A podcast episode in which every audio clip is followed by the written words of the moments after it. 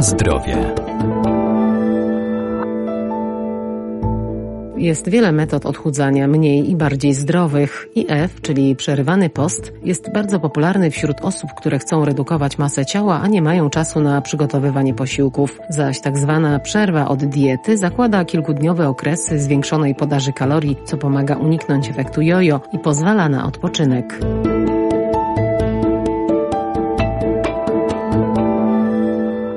Stopniowa redukcja masy ciała przerywana krótkimi okresami, w których można powrócić do wcześniejszego odżywiania się, ma pozytywny wpływ na organizm i przynosi lepsze efekty, zaś długotrwały deficyt kaloryczny może prowadzić do zaburzeń czy chorób. Intermittent dieting jest to tak naprawdę przerwa od diety. Można powiedzieć, że wtedy osoba, która jest na diecie redukcyjnej bierze sobie takie wolny urlop. Dietetyk Maciej Pokarowski. Zakłada to okres zwiększonej podaży kalorii, czyli spożywamy w tym okresie intermittent dieting większą ilość kalorii niż w momencie, kiedy redukowaliśmy masę ciała.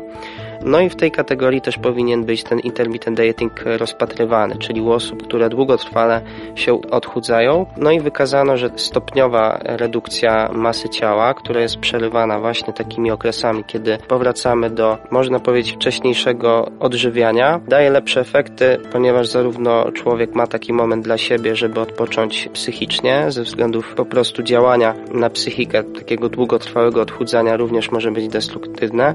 Tutaj natomiast mamy taki moment oddechu. No i również z punktu widzenia takiego fizjologicznego, czyli fizjologii człowieka, ciągle redukując, zmniejszając tą masę ciała, musimy być na deficycie kalorycznym. No i pomimo efektów, które oczywiście będziemy osiągać, wizualnie będzie to widoczne, natomiast w środku w organizmie wewnętrznie może dojść do niekorzystnych zmian w zakresie czy to masy mięśniowej, czy gospodarki hormonalnej. Może to skutkować pod kątem hormonów, na przykład spadkiem wydzielania tarczycy czy insuliny, co może później również zaburzyć pracę w kontekście gospodarki węglowodanowej, czy nawet chorób tarczycy. Te okresy przerywania tej diety, one powinny trwać minimum 48 godzin, czyli te dwa dni, ponieważ jeśli są krótsze, to wówczas nie będą takie skuteczne. No i co ważne, takie przerwy od diety mogą nam pomóc w tym, żeby uniknąć efektu jojo. No i tak jak wspomniałem, dłuższy i stopniowy okres odchudzania jest bardziej bezpieczny dla zdrowia człowieka.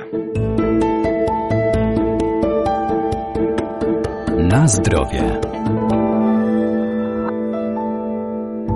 IF, czyli przerywany post, to strategia polegająca na powstrzymywaniu się od jedzenia w określonym czasie. To na przykład kilkugodzinna przerwa w ciągu tygodnia, czy też post w określonych dniach tygodnia, jednak nie jest ona wskazana dla każdego. Tu mamy dużo odmian, jeśli chodzi o IF, natomiast e, no, można wyróżnić tak naprawdę dwa zasadnicze. Pierwszy taki model polega na kilkugodzinnym poście w ciągu tygodnia, natomiast drugi zakłada post w określonych dniach tygodnia. I w pierwszej tej opcji mamy powstrzymywanie się od śniadania i rozpoczynanie rozpoczęcie tak zwanego okna żywieniowego koło godziny 12. Czyli tak naprawdę wydłużamy post nocny o kilka godzin. No i śmiechem żartem można powiedzieć, że niejedzenie po 18 jest to jakaś forma tego przerywanego postu. Praktycznie polega to na tym, że osoba e, może spożywać od jednego do dwóch posiłków w ciągu dnia i są to posiłki objętościowo bardzo duże. Prowadzi to do tego, że wytwarza się deficyt energetyczny, przez co może nastąpić redukcja masy ciała. E, jeśli chodzi o tą drugą opcję, to mamy co drugi dzień, dzień postny tak zwany, lub dwa dni w tygodniu można sobie też e, wybrać, żeby był ten taki dzień postny, natomiast w tym akurat przykładzie mamy ograniczenie kaloryczności do 20%,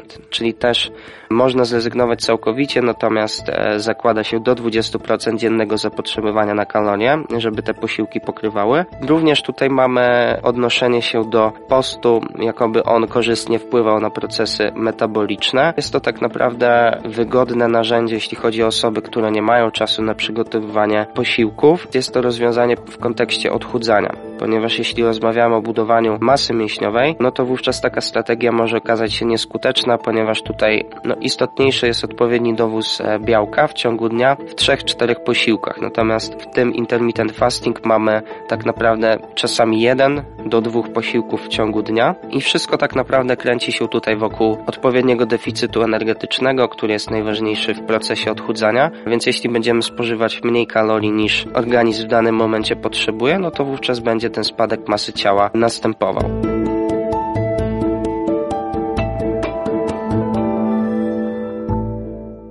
Każda dieta powinna być dostosowana do indywidualnych potrzeb, bo każdy z nas jest inny. Dlatego jeżeli zdecydujemy się na zastosowanie konkretnej diety, to zawsze warto zwłaszcza pierwsze kroki skonsultować z dietetykiem bądź lekarzem. Na zdrowie.